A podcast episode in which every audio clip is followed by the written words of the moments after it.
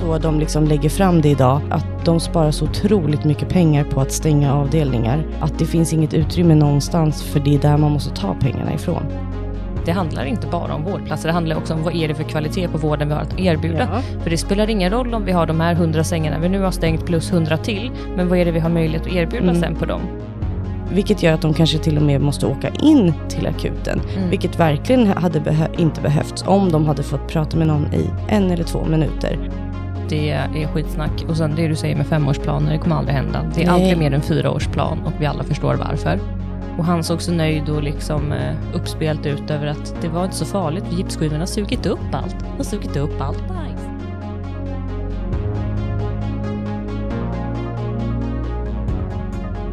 Däremot kan jag berätta att eh, för några dagar sedan så var jag med om en håll käften situation på Pressbyrån. Mm. Mm. Hon var jätteotrevlig den här äh, kassörskan. Säger man kassörskan?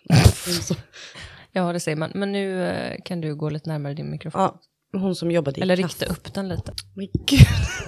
Hon som jobbade i... Åh jäklar. Tack!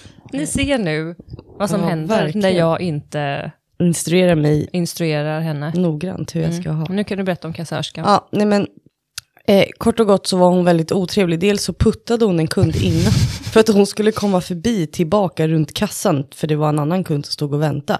Och då tänkte jag så här, ja hon kanske inte märkte att hon stötte till den här personen, vilket är konstigt för det var rätt hård knuff. Mm. Ja, ja, och sen så var hon rätt otrevlig mot den som var före, men det var inte så mycket. De pra- alltså när man handlar i Pressbyrån så är det ofta så här, ja, man, man betalar med sitt kort och sen går man, så det var inte så mycket mer. Sen var det min tur. Och jag brukar betala med Swish ibland när jag är där, bara för att jag tänker, jag orkar inte hålla, jag har ingen Du har plån. gjort det två gånger, Emma. Jag brukar.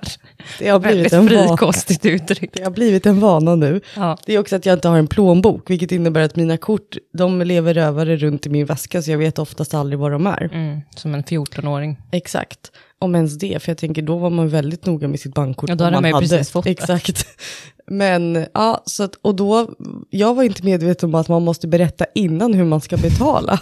Vilket hon då blev jättearg på mig för att jag borde, minsann säga att jag ska betala med Swish innan jag har knappt, hon har inte ens blippat in varorna typ. Jag bara, Va? Men vadå, då var det ju innan.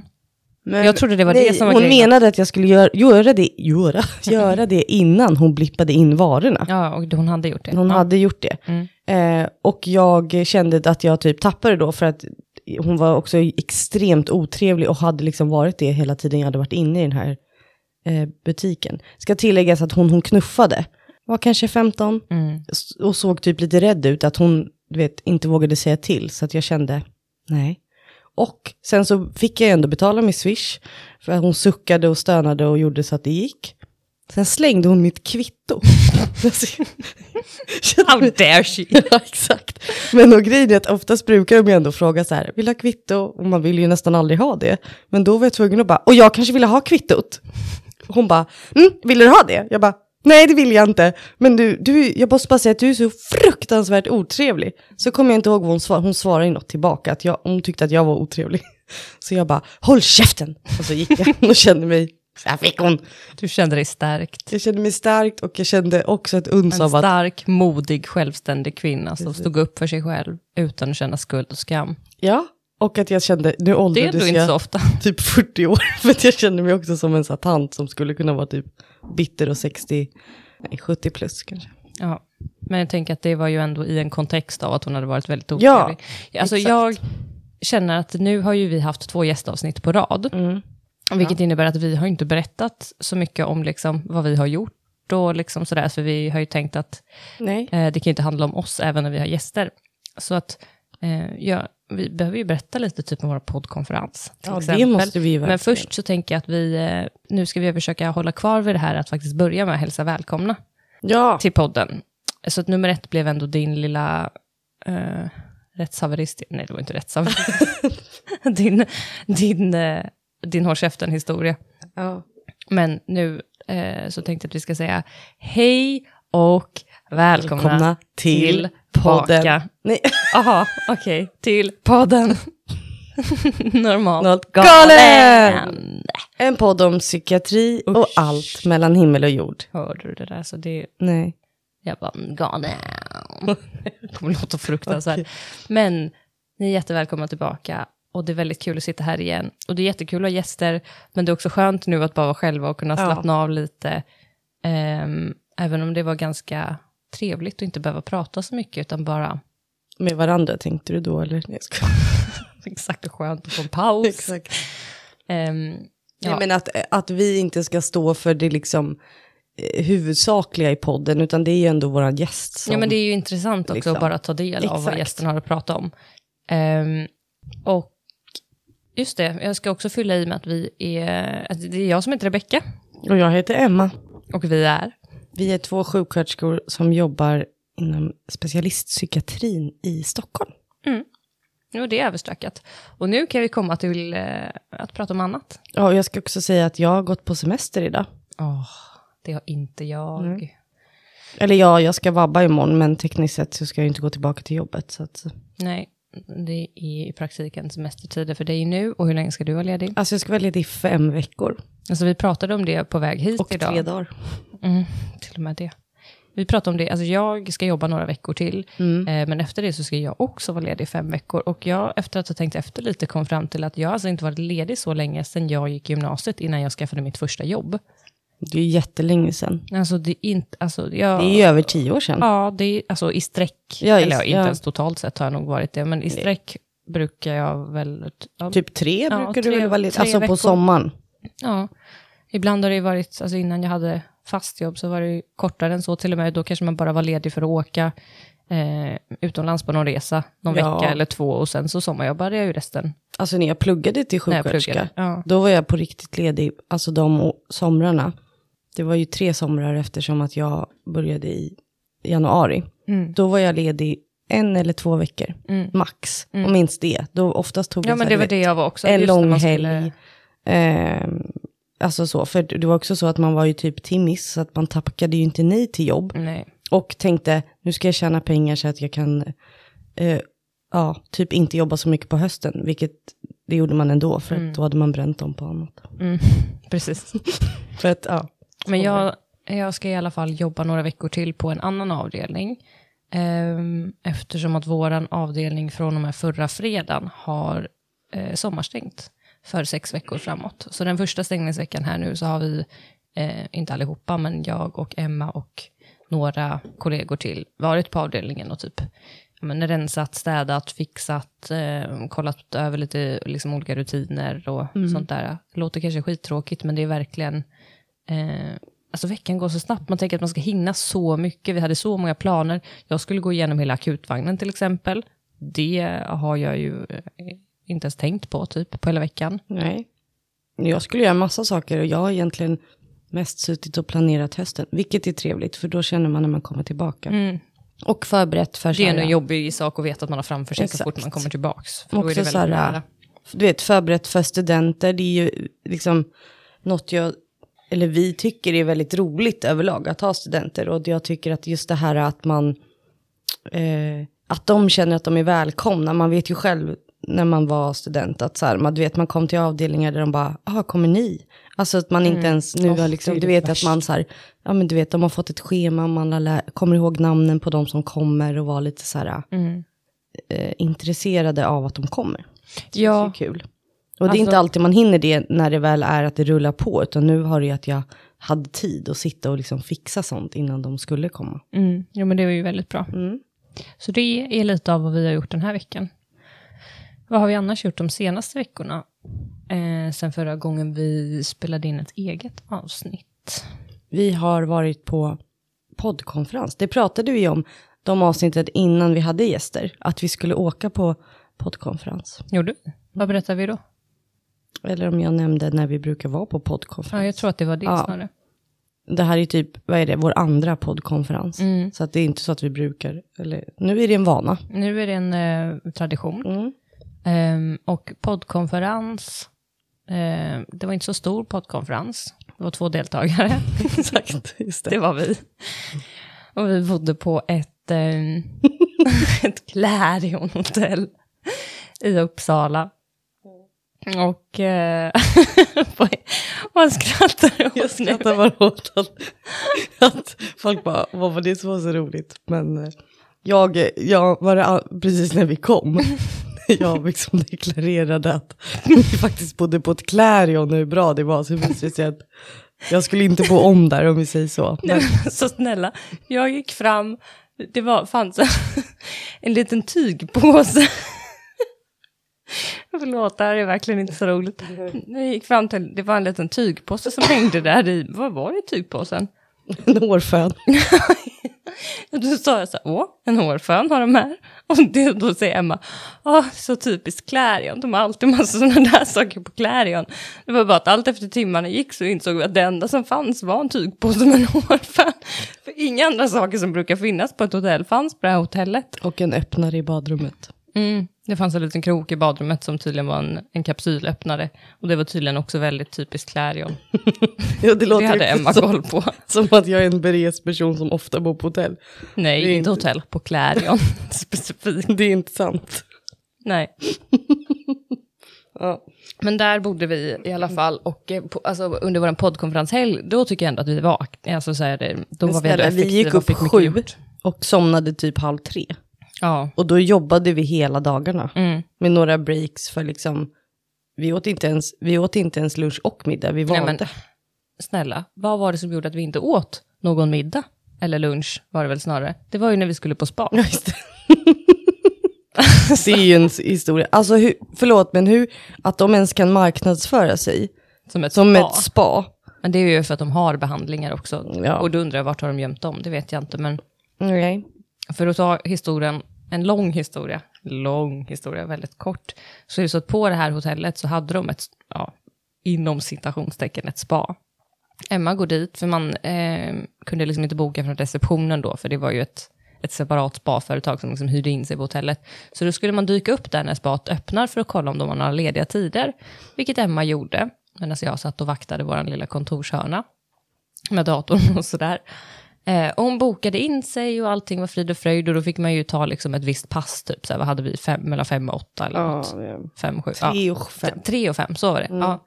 Och ja, men du spanade väl in där och tyckte att det såg inte så stort ut, men det var inte som att du bad om en rundtur. Liksom. Nej, jag tittade in och såg en bubbelpool och tänkte, de har väl en pool någon annanstans, som på andra span jag har varit. Mm, Alltså, ja, för det var ju liksom ett hörn där man inte kunde se vad som, såg, vad som fanns Nej. bakom hörnet. Eh, och sen så kommer vi tillbaka dit på våran inbokade avsedda tid. Och då får vi informationen efter att vi har betalat. Jag har precis dragit tillbaka kortet ur eh, kortterminalen. Och då eh, får vi informationen om att mm, sen är det ju så då att eh, vi har ju restriktioner just nu fortfarande som gör att man får inte sitta mer än ett sällskap i varje bubbelpool. Eh, Och det kan man nämna så att det var typ fem sällskap på de två timmarna vi skulle vara där. ja, exakt, för det ramlade ju in ytterligare två par eh, sen. Ja. För grejen är att och då, tänk, då, då tyckte vi liksom att aha, det hade ju varit trevligt att få veta det innan. Eh, men reagerade inte så starkt förrän vi går in i spat. Och det visar sig att det enda spat består av är bokstavligen två bubbelpooler och en sketen liten bastu. Och några hårda plaststolar. Plus att det ingick uppskuren frukt. Men den är inte uppskuren. Om ni vill ha så får ni se till så skär jag upp. Alltså, ja. Så vi gick in, satte oss på den här hårda plaststolen, blev allt mer upprörda under de tre minuterna som vi diskuterade det här. För då i bubbelpool, i ena pa, eh, liksom poolen så satt det ett par som typ, eller de satt inte, de typ låg på varandra. ja. Och i den, an, i den andra bubbelpoolen, ja där hade, bubblade det inte, för då skulle man ju bubbla max 20 minuter var. Så i den bubbelpoolen, antagligen så skulle man väl gå upp då det slutade bubbla, men det var ju ingen som hade kontroll över det här. Det var helt, alltså, det var helt eh, ett laglöst land. Och då kan vi också tillägga att det var inte ett reducerat pris Nej. för de här restriktionerna eller informationen när man bokade. Så man tänker att, Det var ju ett dyrt pris, gör. även utan restriktioner, med Ja. tanke på vad de hade att erbjuda. ja.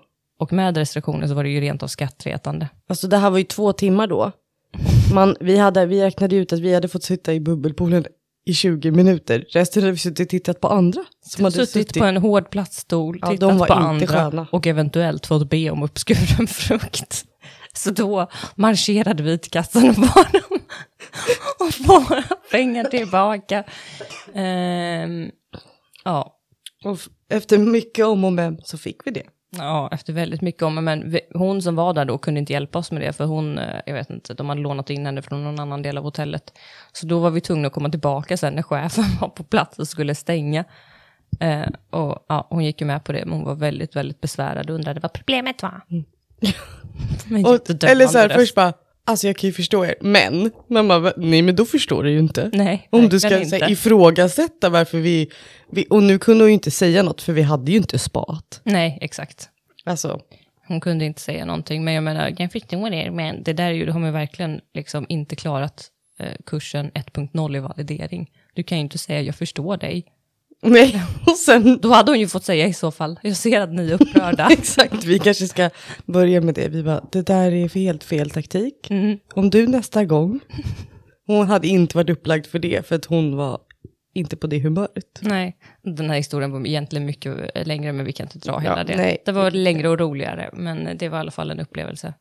Vi fick också en dålig erfarenhet av att vi frågade, ni som följer oss på Instagram, såg att vi la upp om att vi hade frågat receptionen om de hade något, det var ju helg då när vi var där. Visst. Och det är ju ganska få som har kanske konferenser på helgen, så vi frågade om de har något konferens eller mötesrum typ som man kan låna. Eh, och då säger hon, ja, allting är ledigt. Jag, jag ska dubbelkolla om det är något som är bokat i helgen. Ja, allting är ledigt. Eh, det är ingen som är inbokad i helgen, så ni kan få sitta i lobbyn.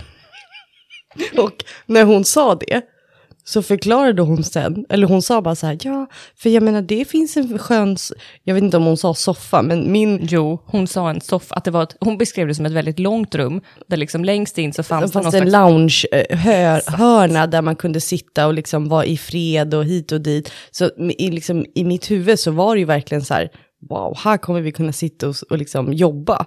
Ja, alltså hon förstod väl antagligen att, uppenbarligen, vilket man kanske borde förstå, jag vet inte, så lånar de inte ut sina konferenslokaler utan man får betala för det. Ja. Och hon förstod att vi hade inte råd med det. Nej, vi precis. hade också varit tvungna, hade inget annat val än att betala eh, ja, det så kallat reducerade eh, priset På för garaget. Ja. Och eh, Kollat på varandra när hon sa priset. med menande illamående brickar. att- med Hon kände att det inte är aktuellt att tala om vad konferensrummet kostar. Hon tyckte ändå synd om oss. Exakt. Då ska också komma, och så då Vi erbjuda sin ju- välgörenhet. Exakt, då skulle vi också gå upp en trappa upp och kolla på det här äh, sen. Konferensloungen.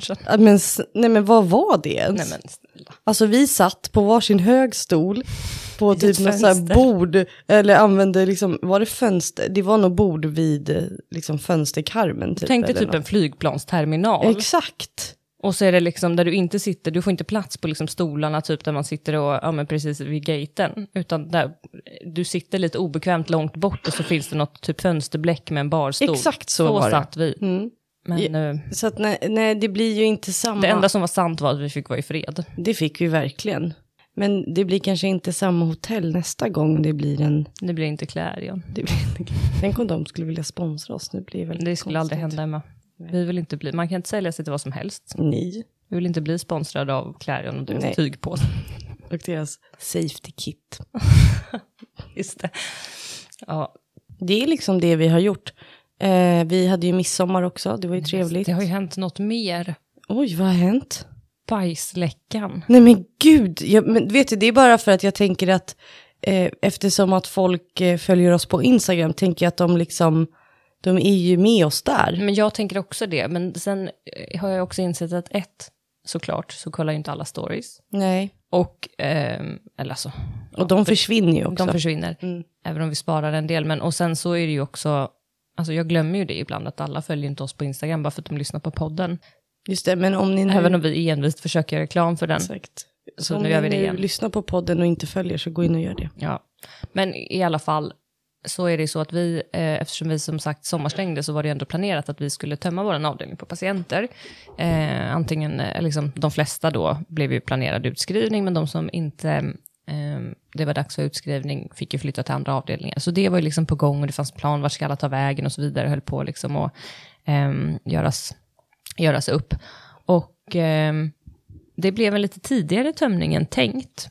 För att ett kvällspass när jag jobbar, nej förlåt. Nej, du jobbar heldag. Jag hade jobbat heldag, alltså från sju på morgonen till 21 på kvällen skulle jag jobba. Och någonstans där runt middagstid Först så har det varit någon sop, något sopvatten som har runnit ut i våran skölj. Så först stank det sopor på halva avdelningen, min kollega stod och liksom svabbade golvet. Sen så går det en liten stund och jag kände att eh, varför stinker det fortfarande? För nu börjar det stinka bajs. Och varför stinker det bajs? och eh, inser efter en stund att det har bildats en liten pöl i korridoren. Och eh, alltså påpekas skall att vi förra året, det har vi ju nämnt förut, så var det ju en avdelning, en avdelning i huset som var stängd för renovering. Eh, och då hade vi också stängt ena vår korridor för renovering på grund av att eh, vi hade fått vattenskada efter att sprinklersystemet hade satt igång eh, när det brann på avdelningen ovanför. Då. Mm. Så nu blir vi väldigt nervösa i det här äh, inte så fräscha nya huset direkt som vi jobbar i. Eh, minsta lilla att vi ska liksom behöva stänga och renovera igen. Ja. Och inser då ganska fort att den här pölen på golvet, det luktar inte bara bajs, utan det är bajs. ja, det var ju det som, alltså nu var inte jag där, men som jag verkligen fick beskrivet, att det var typ bajskorvar som flöt runt. Ja, eller min kollega korrigerade sig, hon som sa citatet om att det flyter bajskorvar. Hon sa, ja, men det var ju små bruna bitar. Ja, precis. Eh, Vidrigt. Nej, men så det blev ju en väldigt eh, intensiv kväll sen. Som, det enda positiva var ju att kvällen gick väldigt fort. Men sen så fick vi då det liksom strömmade till liksom överläkare och läkare och jourläkare och alla liksom dit. För då var vi ju tvungna att skicka iväg halva patientstyrkan till andra ställen. För att vi hade några få platser i den icke bajsskadade korridoren Mm, just det. som patienterna kunde flytta dit, men resten var vi ju tvungna att göra oss av med och liksom evakuera. Och jag fick gå ut i matsalen mitt i middagen, för stackarna satt ju där och försökte äta middag mitt i den här stanken. Och dit gick jag och så här, hallå, jag får allas uppmärksamhet. Ni kanske har märkt att det luktar bajs här. Ni som har rum i den korridoren, ni kommer inte att, nu kommer jag stänga branddörren här, ni kommer inte kunna gå in till era rum just nu, vi ska se hur vi ska lösa det här. Ja, så det var en väldigt speciell kväll. Vi fick till slut iväg alla i alla fall, eh, men det var, det var en tuff kväll. Mm. Jag fick en väldigt lugn natt, för jag kom och skulle jobba natt. Du satt ju hemma och hoppades på att vi skulle skrivit ut alla. Ja, Så lite så. För att jag kände ändå så här, åh gud vad jobbigt att jobba natt. Jag kan också berätta att det luktade ju, alltså det var ju inte en trevlig stank att jobba i. Nej, och då hade Alltså- vi ändå, när du kom så hade ju ändå, alltså va, varje korridor eh, på vår avdelning är en egen liksom Ja, brandcell, så det är sådana supertunga dörrar som sen stängs i händelse av brand, Ja. men man kan ju också stänga dem själv. Eh, så vi, då hade ju de ändå varit stängda i typ, alltså fem timmar när Ja, vi ja, kom till exakt, jobbet. precis. Och ändå så var det liksom Ja, nej men alltså när en jag, otjänlig arbetsmiljö. alltså när jag åkte hem där på morgonen, eller precis innan jag skulle gå, du vet, det luktar, du vet man är så, man är dels van vid, alltså hur det har luktat i typ 11 timmar, så att man så här, ja ja. Eh, men sen också att, eh, nej men jag, jag kommer ihåg att jag satt på tunnelbanan och bara, alltså det är ändå sjukt att, alltså folk måste ju tycka att jag, det luktar så mycket bajs av mig. Alltså jag tror jag duschade typ så här tre eller fyra gånger innan jag gick och la mig, för att jag bara, det här går inte, jag får inte bort lukten. Ja. Det känns ändå så sjukt. Alltså på så här, flera år när man har jobbat, det är klart att det händer liksom, eh, alltså om man tänker, eh, om man jämför med kanske andra som inte jobbar inom psykiatrin, så kanske det händer lite konstiga saker, tycker de som inte jobbar inom psykiatrin på ens jobb. Men det här är ju en sån här grej, för så här, först så brinner det på en avdelning, sen så får vi då en vattenläcka för sprinklersystemet, och sen börjar det rinna vatten igen. Alltså så här, nu har det hänt väldigt mycket på kort tid här, nu känner vi att... Nej, men det har ju också varit vid varje typ högtid. För Ja. Först så fick vi där, var inte det någonstans kring halloween? Jo, Som eller var- typ allhelgona. Alla helg, Ja. det, ja, det Men det är halloween. Jag tycker att det är vi ändå i Väldigt Sverige. noga. Ja. Eh, nej men, ja, då fick vi vattenläckan och då ska ändå liksom poängteras att vi fick, även om avdelningen ovanför fick liksom grovrenovera hela eh, korridoren, för det var ju liksom brandröksskadat. ja, ja. Men hos oss var det ju fortfarande alltså, tusentals liter som liksom Ja, rakt ner genom golvet. Mitt i natten kan tilläggas. Mitt i natten, Alltså- klockan tre på natten. Alltså det fruktansvärt verkligen. Förstår för du patienten patienterna som, det var ju ett rum som faktiskt blev verkligen, verkligen. Ja. Som den patienten låg ju och sov. Mm. Ja, det forsade ju rakt ner över, Över henne. över henne i, när hon låg i sängen. Alltså Exakt. vaknar av att den är Ja, fruktansvärt för verkligen. fan. Och då, så att vi fick i alla fall två rum, så vi fick to- totalrenovera och sen själva korridoren. Eh, så den var ju ändå stängd länge. Så det, det var vår allhelgonapresent. Mm. Sen hade vi till eh, i julas, då fick vi ju presenten att vi var tvungna på en, med en dags varsel ställa om till geriatrik. Ja. Precis, just det. Eh, det var ju också en upplevelse i sig. Mm. Om ni inte har lyssnat på avsnittet om det så tycker jag ni verkligen ska göra det. Eh, och sen nu då lagom till, det enda positiva med att det hände nu var ju att vi ändå skulle skriva ut patienterna, så att om vi det är så att vi ska renovera, eller det ska vi, Det ska vi. men inte lika mycket, så är det i alla fall lagom till att vi ändå ska stängt sex veckor, så det var ju bra. Och att det var våran avdelning. Där, därför att de andra ovanför, de, har, det är inte, de är inte berörda. Nej, precis. Utan deras Det är avlopp bara våra- funkar ju. Det, det kom ju någon ehm, fastighetsperson, eller jag vet inte vem som håller på med sånt, men i alla fall som skulle kolla, bedöma skadorna. Och han såg så nöjd och liksom eh, uppspelt ut över att det var inte så farligt, för gipsskivorna har sugit upp allt. De har sugit upp allt bajs. så att, ja, taket behöver de riva, men i övrigt så är det nog lugnt. Så det är ju skönt. Ja, Det är väldigt skönt. Mm. Ja, nu har vi nog pratat av oss om allt som har hänt på jobbet de senaste veckorna. Ja, det tror jag allt som också. inte är patientrelaterat. Men alltså vi, det här är ju ett avsnitt precis då som Emma sa innan liksom semester. Ehm, och vi ehm, har inget specifikt specifikt ämne. Utan Nej. bara lite allmänna saker. Vi tänkte liksom på tal om den här stängningen prata lite kring sådana saker med liksom resurser, hur psykiatrin prioriteras och konsekvenser och ehm, lite sånt allmänt Ja, för det ska ju... löst snack. Lössnack.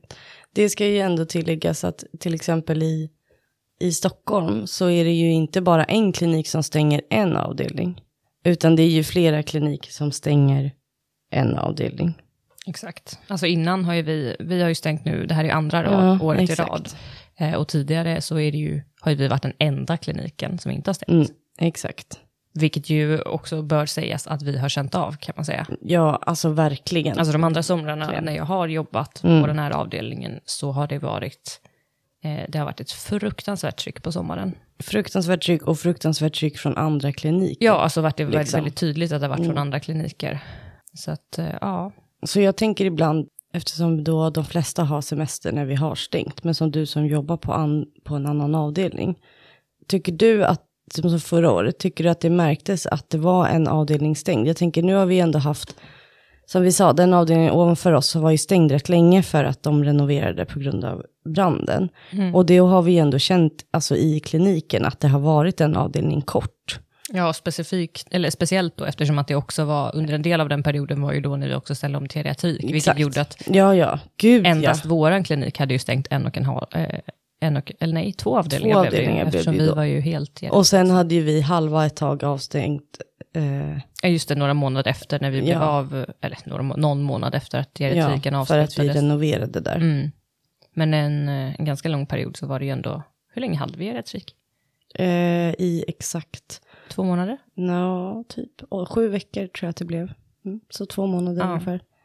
Eh, så det är ändå ganska lång Jag tid. kommer att liksom inte ihåg, för det är en sån här period i mitt liv som är typ diffus. För Allt att, är suddigt från den tiden. alltså, jag kommer ihåg, jag kommer verkligen ihåg beskedet, för att jag satt i telefon, alltså det här är liksom, ja men det har vi pratat om, 23 december klockan tre. Mm. Ja, Alltså, galet. så var det. Jag fick beskedet av en person som bara, bra, hej då, nu går jag på semester.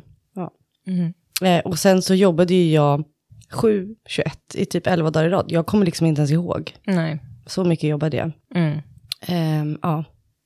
Nej, det är en diffus period. Väldigt diffus period. Men så att då, och framförallt då en lång period efter att vi öppnade sen också, så kände Mm, man ju absolut. av väldigt tydligt det, att det hade varit stängt. Liksom. Men till din fråga på om jag tänkte på det förra sommaren, alltså jag jobbade ju inte så, ehm, jag jobbade ju inte så länge där, alltså det var ju ett par veckor bara.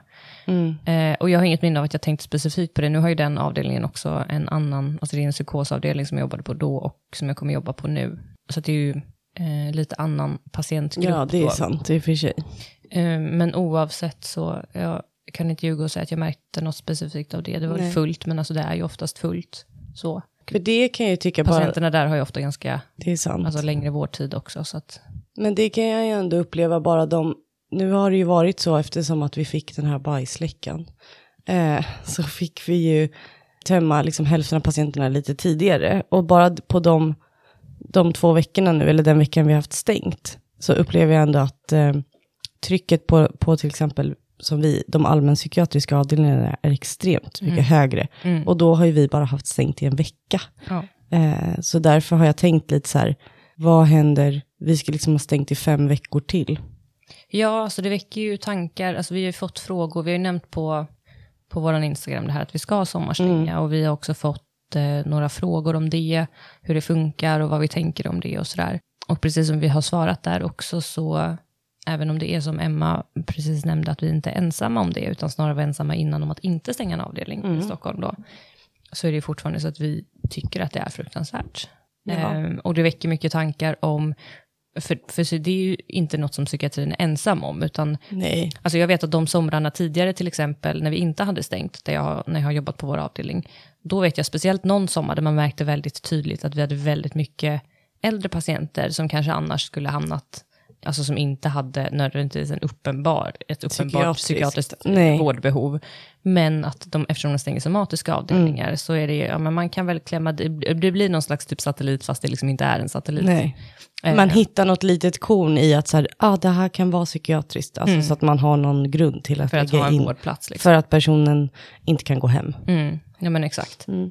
Så, så då märkte man ju det tydligt. Men eh, ja, så att det är ju helt enkelt någonting som är vanligt även inom somatiken, att man sommarstänger avdelningar för att man tycker att det är ett bra tillfälle av någon konstig anledning att spara pengar. Ja, och att det inte finns personal. Jo, absolut, men jag menar man skulle ju kunna lösa det om man ville. Jaha, ja. så lägger man ja, pengar ja. på att det ska finnas Ja, personal absolut. för att ersätta de som går på semester, då finns det ju personal. Men då löser man det istället genom att stänga avdelningar. Det är ju fortfarande så här, Ja, och det är ju mycket sånt. Jag tänker kära, alltså man tänker att vi, vi är en avdelning som har 18, 18 vårdplatser. Och de flesta i, alltså kliniker i Stockholm har ungefär mellan 12 och 20 platser, alltså en avdelning. Och då tänker man att en klinik stänger en avdelning. att varje klinik Alltså varje klinik, Ja. det är ändå typ 100 vårdplatser som försvinner. Mm. Ja, men det är ju det, när man sätter det i ett sånt perspektiv Alltså man så liksom, då förstår man liksom vidden av det på något sätt. mm, men om jag tänker att vi kände av det väldigt tydligt när vi på våran klinik, när ingen annan i Stockholm hade stängt, mig veteligen i alla fall, nej, eftersom det var, ja, det var mitt i, i vintern. Liksom, ja, i, alltså nej så, precis. eh, så märkte vi det väldigt tydligt. Och då handlade det om, ja men, vadå, typ 40 vårdplatser liksom, Mm, som var absolut. stängda. Ja. Medan här är det mer än det dubbla. Mm. Eh, och någonting säger det ju ändå om, alltså även om det är så som sagt att, att man stänger avdelningen, avdelningar inom somatiken också, så är det ändå så att de har en annan möjlighet att vårda varandras patienter om man säger så. Ja, de har ju en, de Eh, har ju och har också ofta sådana avtal och har liksom, alltså så här, den kompetensen, även om det liksom kan skilja sig åt lite, men att det ändå med liksom, det funkar ju inte, självklart inte alltid op- optimalt heller. nej, det, det är jag såklart, medveten det är om, det alltså, inte. det vill jag inte påstå. Nej, alltså det här med satellitpatienter är ju ett eh, problem i somatiken. att Absolut, man liksom absolut. lägger in patienter som ska vara på HIA någon annanstans för det finns ingen plats och så.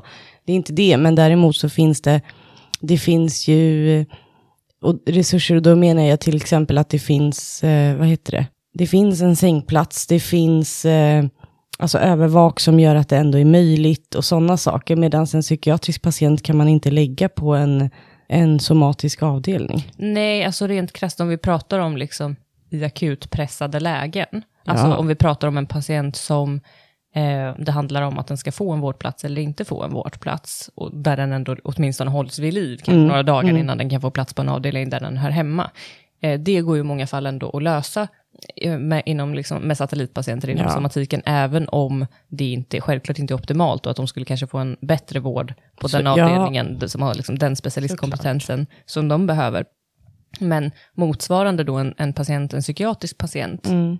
kan, alltså, för sitt psykiatriska vårdbehov och framförallt om det är stort och allvarligt, går liksom inte att vårda på en somatisk avdelning. Det finns en anledning till i de fallen när, när våra psykiatripatienter behöver eh, alltså, somatisk vård, och då pratar jag om när det är att de är i be- behov av liksom mer intensiv psykiatrisk vård och kanske inte kan lämnas ensamma, väldigt hög suicidrisk eller liksom att de vill avvika och så vidare. Då sitter ju psykiatripersonal med på de somatiska avdelningarna Ja, till exempel. Precis. Eftersom Ja, ja, de har inte den, det är inte deras uppgift att ha den psykiatriska kompetensen. Så därav så finns det ju liksom inte riktigt möjlighet att satellitvårda på det sättet som de ändå kan tillfälligen göra på varandras Ja, patienter. ja, ja, exakt. Och det kan man ju också säga att under, under sommaren så ökar ju ofta de externa, vi kallar ju det för externt vak, att vi sitter extra, alltså psykiatrisk personal sitter extra vak på en somatisk avdelning. Mm, Eh, och de ökar ju ofta under sommaren. mm, men det pratar man ju inte om att sambandet kanske är också att vissa patienter väntar på en plats på psykiatrin Mm. som inte finns och därför blir de kvar ett eller två dygn längre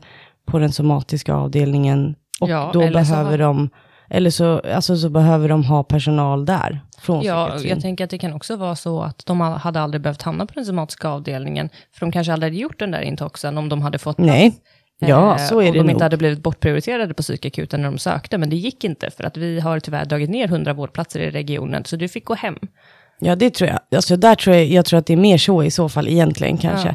Att folk söker vård men blir nekade att, eh, en inläggning och därför gör eh, suicidala handlingar till exempel. Eller att de ja, håller ihop sig och sen så kan man inte, har man inte tid heller att, att, att liksom sitta och lirka med patienter som kanske behöver vård, som kanske skulle ha fått en plats, men att man, de vill gå hem och man tänker, det finns, alltså de har inte tid att göra de långsamma bedömningarna på det sättet för att Mm, trycket är så högt. Ja, exakt. liksom. Eller att man hinner, alltså en, en patient som, en psykospatient eh, kan ju hålla ihop sig rätt bra i fem minuter kanske. Mm. Och de fem minuterna när läkaren är där, då håller de ihop sig för att de vill inte bli inlagda. Nej. Och sen så rasar det ändå. Och så blir det en polishandräckning som gör att, alltså som gör att de, de har gjort något, något som de antagligen kommer få kommer ångra när de blir friska. Mm. Och det har gått för långt. Man hade kunnat undvika hela den samhällskarusellen också. Mm. Vilket också i sin tur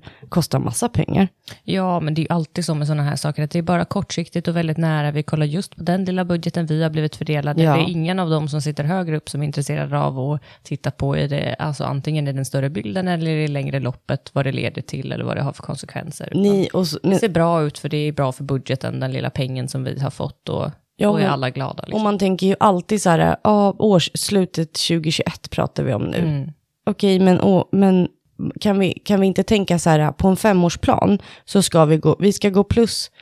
Alltså det är klart att ja, man ska alltid tänka att, att man ska inte kanske gå plus, men man ska ju absolut inte gå minus. Men man måste tänka i större perspektiv tror jag. Att man måste tänka så här, den här femårsplanen är att vi ska i slutändan inte gå minus eller gå back. Men det, det kanske får kosta lite mer de första två åren, för att då har vi jobbat upp det. Alltså jag tänker, det handlar ju också om att behålla personal som sen kan tänka sig att jobba istället för att man behöver stänga för att, för att spara pengar, för att det inte finns, eh, alltså det finns inte utrymme att ens ha öppet. Nej, det är ju det- så de liksom lägger fram det idag, att de, de sparar så otroligt mycket pengar på att stänga avdelningar, Mm. att det finns inget utrymme någonstans, för det är där man måste ta pengarna ifrån.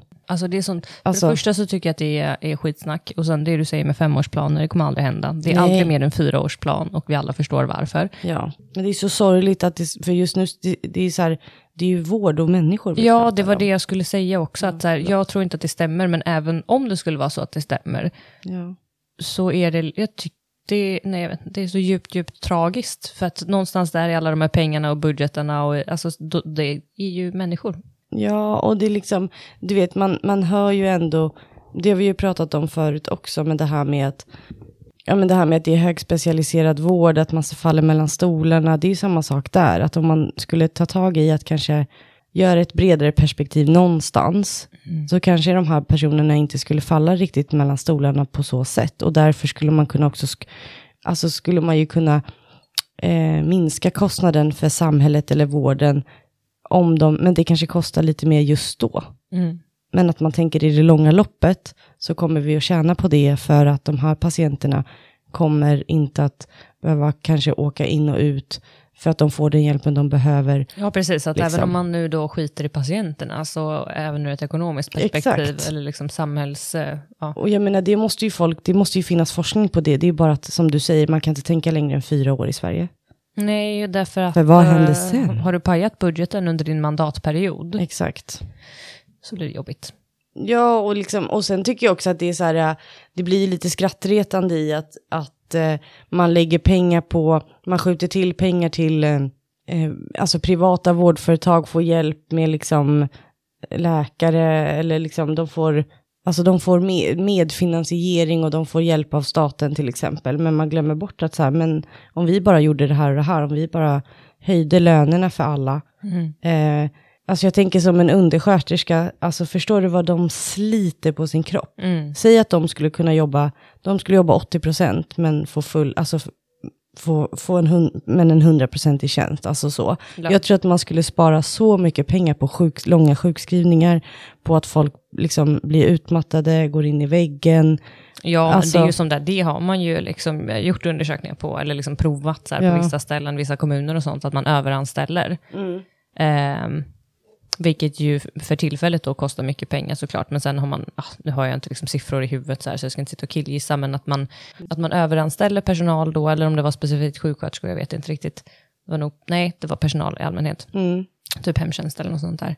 Eh, och att det då på, under en liksom längre tidsperiod då visade sig vara även ekonomiskt gynnsamt på grund av precis det här du nämner, att det Ja. liksom minskar sjukskrivningar och eh, folk blir inte utbrända på samma sätt och det är liksom den korttidsfrånvaron, både korttids och långtidsfrånvaro tror jag minskade och så vidare. Och så vidare. Ehm, så jag vet inte, jag tänker att så här, visst det är ju jättelätt att sitta här i den här podden och bara såklart. leka att man vet hur allting skulle vara mycket bättre. Eh, och det är väl kanske inte våran plats, men det här är vår podd så vi får tycka vad vi vill. Jag tänker att det är våra åsikter. Liksom. Men jag tänker också att så här, någonstans så är det ju ändå uppenbart att det vi gör funkar inte. Nej, och att man hela tiden, alltså det som vi kommer också, sum, eller summan av kardemumman är ju ofta, Summan om kurrimumma. kardemumman, det är ju ofta att just psykiatri också blir nedprioriterad. Det har vi ju pratat Ja. om förut, men också så här, vi stänger alltså 100 vår, cirka 100 vårdplatser i Stockholm. Men då tänker jag så här, ja, i Stockholm finns det ändå flera kliniker, det finns fler avdelningar. Det är Mm. samma sak ute i landet och då kanske det handlar om att de, det finns bara två avdelningar. Så de drar ner dem till hälften. Ja, det Alltså var det ju någon där- som skrev oss, Exakt. eh, till oss om just det, att de är två avdelningar där och att de liksom slår ihop den till en. Ja, och jag menar bara sådana grejer att så här, vad, vad gör inte det? Det är inte så att de är mindre, eh, att man är mindre sjuk på sommaren. För det kan jag ju tycka att man ser på hösten ibland, Mm, att det har gått lite långt. Och det kan ju också vara att personer eh, som, eh, ja men du vet, man är ledig, man, man kanske är borta med sin familj på landet, alltså man håller ihop sig för att man vill också ha semester, eller liksom, Ja, eller det kan vara barnens skull och de ja, har ju men exakt. Eller du vet, liksom, att, att personer som kanske har daglig verksamhet eller bor på något så här, eh, vad heter det? Typ LSS-boende. Ja, precis, eller- men att de kanske har varit hemma hos sina föräldrar och de vill också vara där och föräldrarna håller ihop, och, eller de, Mm. liksom i att, men att, att när det väl sen kommer till en punkt, till slut är det ju så överlag med kroppen eller med att man orkar inte. Mm. Och att jag tycker att på hösten, eller framförallt så september, oktober, är min erfarenhet att det blir lite längre vårdtider. Mm. Och det tror jag är för att man inte har, kanske inte fått plats, eller man har inte sökt hjälp. Mm. Alltså lite som vi har sett nu efter andra vågen av corona såg vi också det. Att Mm. så när de väl sen blev inlagda så var det lite längre vårdtider för att de har gått hemma för lite för länge Mm. och inte vågat söka. Mm. Och då verkligen. handlar det ju inte om platser, då var det ju mera samhällsaktigt. Att, Mm, det var ju både och i och för sig. Att det Ja. var dels att man avråddes att söka vård eh, om det inte var nödvändigt. ja, och vi hade ju extrema krav många, ja, på att bli inlagd. men det är det jag tänker. Alltså steg ett var ju att, att du blir liksom uppmanad att avstå från att söka vård om det inte är nödvändigt. Mm. Eh, vilket många patienter med liksom, eh, psykiatrisk problematik då tolkar liksom, de, de kanske inte tycker att de själva är värda den Nej. vården och det här är inte nödvändigt. Någon behöver min plats bättre än jag och därför söker man inte. Mm. Eh, Eller om man väl gör det, som du, just det du nämner, att, eh, att kraven också blev extremt, extremt Mm. åtsmitade liksom, för eh, vad, eh, vad man liksom skulle bli inlagd för. Ja, alltså vi skulle ju sitta och rang, rangordna patienter som också var inskrivna, kommer jag ihåg. Just det, vi- vilka, alltså, Ja, Vissa, alltså du vet på 1, 2, 3, vilka som skulle kunna skrivas ut först. Och jag menar, det här gjorde alla, så det var ju inte så att våran klinik var nej, nej, alltså eh, alla fick ju liksom order om att göra ja, det. och så Eller gjorde man ju sagt på att läkarna skulle göra det. på då, men- somatiken också. Men jag tänker mer att så här, det handlar ju, alltså så här, det blir ju små grejer hela tiden i, eller små, det här är jättestora saker. Men du förstår att det kommer så här, en till grej, en till grej, en till. Mm. Alltså det här var ju långt innan corona var ju det här ett problem. Att det, det finns inte pengar i psykiatrin. Mm. Eh, vi måste spara hela tiden, de drar in tjänster överallt. Alltså jag menar,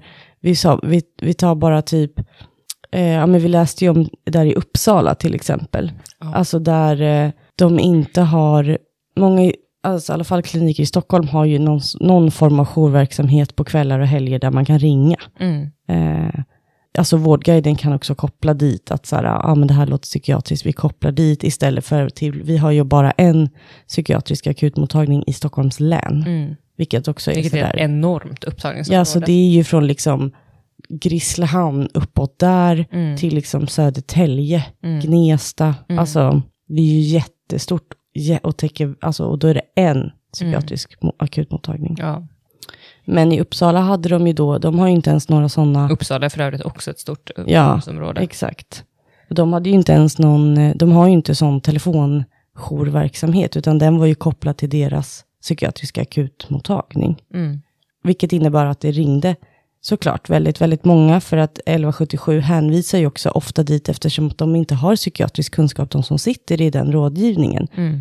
Eh, vilket gjorde att det ringde extremt mycket folk, vilket gjorde att de inte hade resurserna på den psykiatriska akutmottagningen att alltså, svara Bemanna i den. telefonen, Nej, helt enkelt. så de stängde av det numret. Mm. Och de har inte ersatt det med något annat. Nej. Ehm, och då... Nej, alltså jag vet inte ens vad jag ska säga. Jag, ble, jag vet att jag läste om det här för några månader sedan. Mm. Om det var någon som la upp det, kanske i någon grupp på Facebook eller något, men jag Ja. läste det i alla fall. Ehm, och sen så har det liksom försvunnit i mitt minne på något sätt, så blev jag påmind om det för att någon pratade om det för några dagar sedan. Ehm, och eh, var tvungen att läsa, liksom, eh, leta upp den här informationen igen då. Och det är ju verkligen så att de har bara stängt den.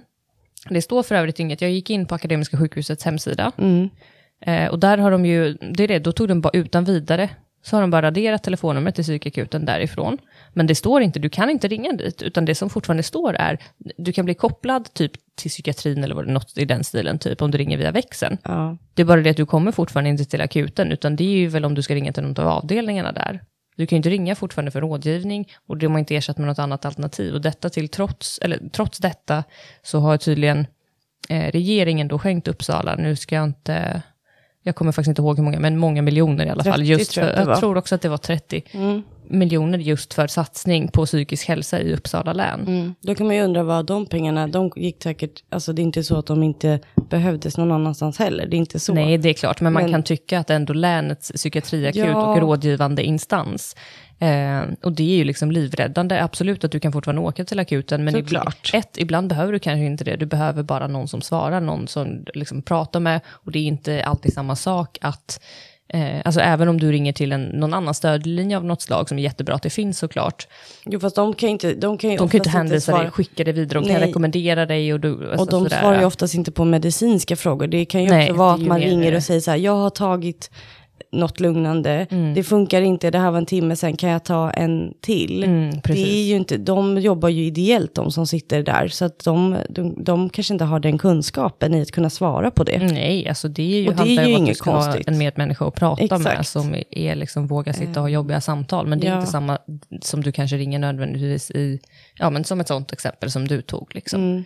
Nej, Ehm, och det kan ju vara många, jag tänker att... eller så som anhörig till exempel. Eller så. Jag har suttit med, eh, för många år sedan, eller för många, gud. Alltså alltid när jag säger så, så tänker jag så här, det låter som att jag är jättegammal, men det är också att jag har jobbat i psykiatrin i över 11 år nu. Så att det börjar ändå bli några år sedan. Mm. Så jobbade jag ett tag med, eh, satt i växeln och tog emot, eh, emot samtal. Och då är det ju också, jag tänkte på det nu när vi pratade om det, då var det ju vissa personer som faktiskt ringde, alltså som är sådär, du vet, stammisringare. Mm. Att de ringer, de pratar om samma sak, eller oftast frågar de samma sak.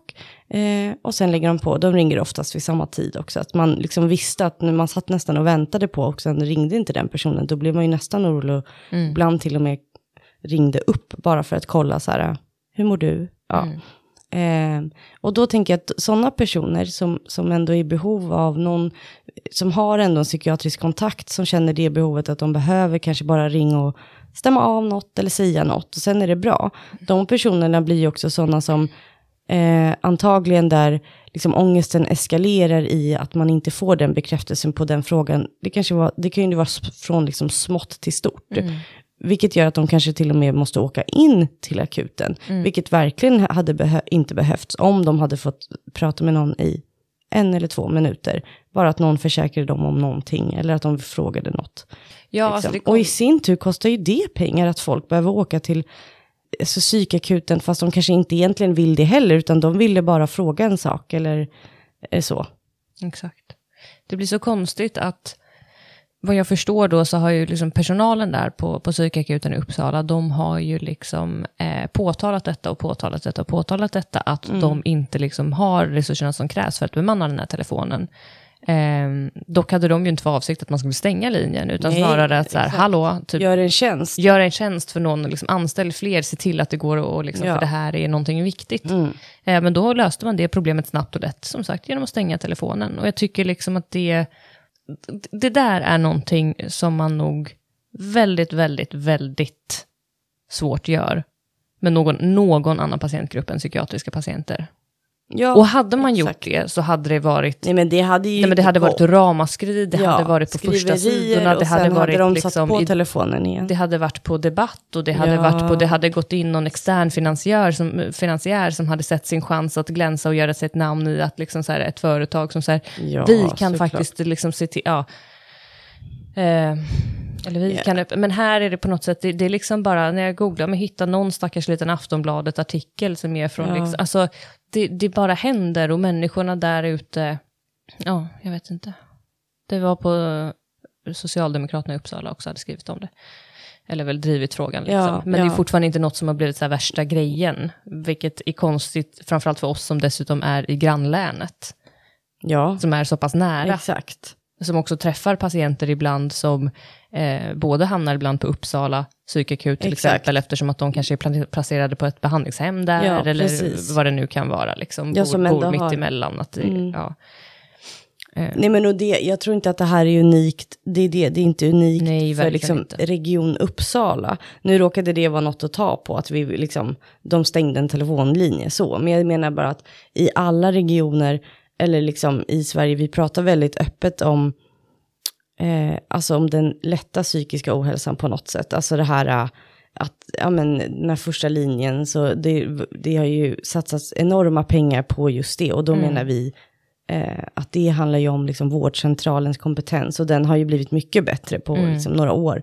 Men den här, eh, alltså om vi nu ska benämna det lite, lite tyngre psykiatrin som vi jobbar i, eller specialistpsykiatrin, där är det ju hela tiden att det känns som att man, ehm, alltså i de 11 åren jag har jobbat nu så tycker jag ju ändå att det känns som att det är besparingar, besparingar, besparingar. Ja, det är det överallt. Men här är det så himla tydligt att på något sätt ibland att så här, du räknas inte som patient på riktigt om du har en psykisk sjukdom. Utan, alltså det var ju, kan inte du läsa det? Eller det var något, det här med, de ju drog en jämförelse med eh, barn på BUP och eh, cancersjuka barn. Mm, just det. Ja, nej, men det handlade ju om, eh, här handlade det om BUP då. Eh, där är en verksamhetschef på BUP i Västra Götaland. Eh, de pratar här i det här inslaget då om eh, att över hälften av Sveriges regioner har behovet av fler heldygnsvårdsplatser. Eh, alltså att det har ökat eh, behovet av heldygnsvårdsplatser för barn och unga med psykiska besvär. Eh, det är någon enkät då som Ekot har gjort, som har besvarats av BUP i Sverige. Och då har den här verksamhetschefen, som heter Marie Karlsson, som eh, jobbar i Västra Götaland, sagt att, ett citat här då, att vi får lösa det med strikta medicinska bedömningar och överbeläggningar. Varpå en eh, tjej som heter Hanna Larsson, som vi följer på Instagram, som är väldigt, om man är intresserad av psykiatri så ska man absolut följa henne. Ja, det är verkligen en, bra, en shoutout. En, verkligen en henne. shoutout. Understreck Hanna, understreck Larsson. Eh, men i alla fall, där hon, hon är också läkarstudent och har egen erfarenhet av att ha varit patient inom psykiatrin. Mm. Eh, men hon skriver då i alla fall att detta är barn som är så sjuka att de när som helst kan dö. Hur kan vi inte prioritera det mer? Tänk om barncancervården skulle dras med strikta medicinska bedömningar och överbeläggning. Det skulle vara ramaskri. Ändå är det fler unga som dör av psykisk ohälsa än av cancer varje år. Och det, jag tycker att det är en väldigt träffande beskrivning. Mm. Ja, och av jag det vi läste det här precis om. när vi satt och pratade Mm, om de här sakerna verkligen. eh, förut ute i, i solen. Och det är ju lite inne på samma som det här med psykakuten i Uppsala och Ja. precis som du säger så händer det ju liknande saker runt om i landet Ja. och, och man, någonting som man själv ser hela tiden också, de här besparingarna, besparingarna, besparingarna. Ja, och jag tänker att så här, det är ju redan ett pressat läge. Vi har ju redan, även när alla kliniker har öppet alla sina avdelningar, så har ju psykiatrin ett extremt högt tryck. Det är inte ofta man har en ledig plats länge. Nej. De sitter ofta, alltså man har redan fått rapport innan den andra patienten har gått hem. Så är det ju somatiken också. Det som är, det är som vi har sagt att det går inte, och det går inte rakt av att så här, om vi säger så här, nej, vi, vi har verkligen fullt. Kan, kan vi lägga en patient på geriatriken tills imorgon? Mm. Det går ju inte. Nej, det händer ju inte. Eller samma sak när vi hade geriatrik och så sa vi att det skulle aldrig vara tvärtom. Att, så här, en, att en Precis, vem avlastar oss sen? Vem, sen. Har, vem har möjlighet att avlasta oss sen? Nej, exakt. Ingen.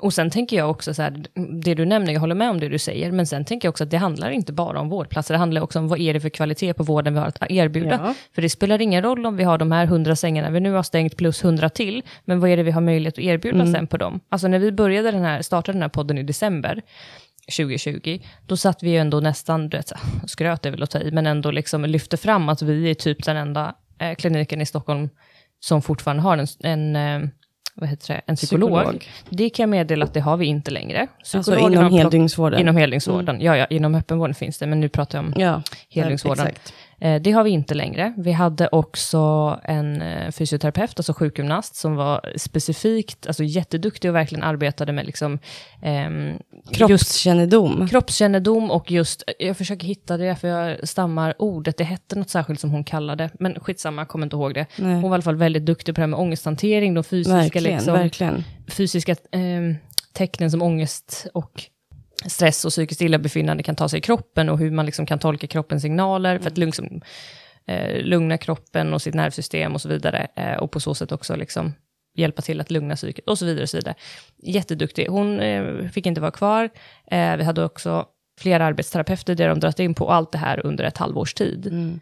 Ehm, Och det här är ju inte, det, det är som vi så säger. det här är ju sånt man ser hela tiden, det, hela det, tiden. det, det handlar ju om psykiatrin i hela Sverige. Alltså jag vågar nästan sticka ut höken och säga att det vi känner i Stockholm, alltså vi jobbar ju i Stockholm, Mm. det känner alla som jobbar i land, ute i landet också. Alltså det här ja, med, verkligen. nej men också det här med som vi brukar, vi brukar ju skoja om det, att så här, var man än jobbar så är det alltid så här lite rackiga gamla lokaler i, och då säger de alltid så här, ja, ah, vi planerar en flytt. Mm. Alltså så här, det, det har jag hört på varje ställe jag har jobbat. Mm. Så här, ja, det händer det inte. händer liksom inte, eller, och då bygger de ett nytt hus. Får psykiatrin flytta in där? Nej, utan då får vi flytta ner i någon källarlokal där det knappt är skyltat, för att man kan ju inte skylta med att man har psykiatrisk vård, eller där jag jobbar på öppenvården, där fastighetsskötaren vägrades först sätta upp en skylt, att de, att, så att patienterna skulle hitta till oss. Mm. För det var ju psykiatri mitt på torget. Alltså, förstår du att, äh, men liksom, och det är det jag menar, att så här, om vi nu ska komma bort från, eller om vi nu ska jobba mot stigmatisering så måste väl för 17 själva vård, alltså de som har hand om budget och vård också prioritera psykiatrin, för annars kommer det ju aldrig bli prioriterat, vilket innebär att det kommer aldrig synas på det sättet. Det kommer alltid vara stigmatiserande, för det kommer alltid vara, som folk uttrycker det, galna personer som, som behöver psykiatrisk vård. Mm. Alltså vilket är fruktansvärt. Jag blir så upprörd, du vet, jag, jag, bara, jag vet inte vad jag ska ta vägen. Jag kan prata om det här i år och dagar. Mm. Ja, jag och det ska vi inte göra, för att nu tänker jag att vi ska snart avrunda med våra spaningar. Mm, precis. Men- jag försöker tänka ja. om jag har något sista jag vill tillägga. Ja, Men ibland är det svårt när man har så mycket man vill säga så man vet inte ens riktigt. Eh, det är svårt att nästan få ut det. ja, men ni får gärna, jag tänker att det skulle vara intressant, eller intressant och hemskt, att, att ehm, alltså skicka DM på, på vår Instagram om saker som ni har varit med om, alltså besparingskrav eh, som har varit liksom helt, som man känner så här, vad är det här? Så, Ja, så jag tänker både ni som själva jobbar inom psykiatri. ja, och som patienter om Eh. ni har känt av det. Exakt. Alltså väldigt gärna om ni jobbar på andra ställen Mm. i Stockholm. Ehm, och även om ni är, eh, också om ni är patienter och Mm. själva konkret har liksom fått eh, tydliga konsekvenser av dels besparingar eller av sådana här som, sommarstängningar Mm. eller av annat som liksom, Så vill vi gärna veta det. ja, Så eh, kan vi också, då kan vi ta en liten eh, uppföljning. ja, och sen dela det, alltså så här anonymt såklart blir det. Mm. Ja, alltså. ja. Men att vi kan dela det så att folk ser. Mm. Så att vi kan liksom öppna upp ögonen för det. Mm. Sätt. Kanske starta ett upprop. Ja. Vi har ju också för övrigt, eh, vi har tänkt att efter eh, förra avsnittet med, med Mattias, när vi pratade om våldsprevention Mm. och eh, tvångsåtgärder och sånt, så har vi, alltså jag och Emma har känt väldigt starkt att vi vill lobba för frågan med dubbelt extra vak vid bältning. Ja, alltså det kommer jag ta, det kommer jag ta fight om i höst. Nu Mm. ska jag ändå ha, eh, vara ledig, men det tänker jag att vi ska... Vi har pratat allt mer om det och känner att så här, nej men Det är så konstigt, alltså ju mer man diskuterar det, Mm. desto mer konstigt är det att det inte är så. Ja, verkligen. Alltså det... Den fighten ska vi ta i höst. Exakt, eh, fortsättning verkligen. följer. Ja. Nu har vi ändå kommit fram till eh, det segmentet i podden som jag tycker är väldigt roligt. Jag tycker allt är kul, men som heter avsnittets spaning. Och våran första spaning handlar om en eh, film som har funnits, jag tror att den släpptes första gången eh, 20, typ i mars 2019, så den har ju funnits ett tag, som heter eh, Kungen av Atlantis. Och det är en film som är baserad på en sann historia. Alltså han som, är, han som har skrivit filmen, det är hans liv det, det handlar om. Och eh, jag kan läsa snabbt bara vad de har skrivit. Sedan barndomen har den ansvarsfulle Simon ensam fungerat som förälder åt sin egen pappa. När Samuel träffar Cleo väcks ett hopp om frigörelse och att få leva ett eget liv. Men kärleken och medberoendet till den excentriska pappan håller honom fast. Eh, och det här är alltså en pappa som är eh, sjuk i psykossjukdom. Och det, därför att det är veckans spaning är för att just nu kan man se den på SVT Play fram till 31 juli. Mm. Jag har själv inte sett den, jag ska verkligen passa Mm. på. Jag har hört talas om den, men eh, jag vet inte om jag inte hittar den, eller om jag inte tog tag i och letade efter vart man kunde se den, eller så. Men nu ska jag verkligen passa på. Mm, verkligen. Det, det lilla jag kan säga om den var ju att han hade pitchat den till ganska många alltså filmbolag. Mm. Eh, och fick då nobben för att, som han, typ jag lyssnade på någon intervju eller så, att det var liksom att det handlade om psykisk, eh, han fick känslan att det var det, typ att Mm. det handlade om psykisk ohälsa och så. Eh, men att han då bestämde sig för att säga upp sig och eh, liksom från sitt jobb och göra den själv, för att han tycker att den är så viktig och speglar att han, han menar på att det är, det är många som lever så kanske, liksom, sen är det väl extremt i filmen, men utan att man pratar om det. Mm. Så absolut, jag ska också titta på den. Det tycker vi att ni ska göra också. Ehm, spaning nummer två är, för några månader sedan så hade vi en spaning som gällde en kille som jag tyvärr inte minns namnet på nu, men som hade, eh, ja men det var ju liksom Försvarsmakten hade köpt sig fri eh, från, det var den här, eh, en- kille då, jag tror att han hade Asperger, alltså en autismdiagnos då, och eh, det innebär ju att man systematiskt sållas bort ur, eh, an, i ansökningsprocessen då, eh, när man liksom, eh, om man vill göra grundläggande militärtjänstgöring. Ja. Ehm, och nu så finns det då en artikel i Dagens Juridik som publicerades den 30 juni, där de skriver om att diskrimineringsombudsmannen nu har slagit fast att det är diskriminering när Försvarsmakten och Plikt och prövningsverket per automatik utesluter den som uppger att de har diagnostiserats med AD, ADHD eller autism från att prövas från militärtjänstgöring. Eh, sen står det vidare också att eh, numera så finns det möjlighet för den som tidigare fått diagnosen ADHD att komma in med ett, ett läkarintyg som visar att man inte längre uppfyller kraven för diagnosen. Men däremot för de som har autism, alltså om man svarar på ja på den frågan, så är det fortfarande så att då är det tack och hej. Och nu så är det, Usch. det känns ju inte en dag för tidigt, att man slår fast att det faktiskt är eh, diskriminering att göra på, på det sättet. Och Försvarsmakten har ju då, på liksom frågor från eh, diskrimineringsombudsmannen, så har Försvarsmakten uppgivit att eh, det finns en ökad risk för personer med diagnosen ADHD eller autism att inte klara militärtjänst. Eh, men att det inte kan uteslutas att det finns personer med diagnoserna som har förmåga att göra det. Samtidigt så har de också understrukit att anställda, alltså de som redan är anställda och har ADHD, de har fått betal, behålla sina tjänster. Och det känns väl skönt att de förstod att det hade varit diskriminering och sparka dem. Liksom. Eh, så att, ja. Men DO anser då ändå att både Försvarsmakten som sagt och Plikt och Prövningsverket har överträtt det så kallade diskrimineringsförbudet när man just det här liksom, systematiska, alltså att man per automatik utesluter personer med de här diagnoserna. Så det var ju väldigt, väldigt trevlig läsning. Verkligen, det är ju ett steg i rätt riktning. Ja, exakt. Även om det kommer väldigt, det är ju väldigt försenat. Mm. Men det, ja, det kändes bra att läsa. Det var de två Verkligen. spaningarna vi hade för, Mm. den, här, för den här gången. Och eh, nu eh, är det dags att runda av. Ja, verkligen. Det, vi får väl tacka för att ni har lyssnat. Mm, verkligen. Eh, och sen som vanligt så får ni gärna DMa oss på vår Instagram. Vi heter normalt galen understreck podcast. Ja, exakt. Alltså om vad som helst, om det är frågor eller om ni har synpunkter på det vi har pratat om. Eh, om ni undrar någonting om vårt jobb, om det, alltså det kan vara vad som, Vad helst. som Vi, helst. vi tycker alltid att det är lika trevligt när ni skriver till oss. Absolut. Eh, så fortsätt verkligen att göra det och tack så hemskt mycket för att ni lyssnar. Ni får ta hand om er och hoppas att ni får en eh, fin sommar. Mm. Så hörs vi. Hej då!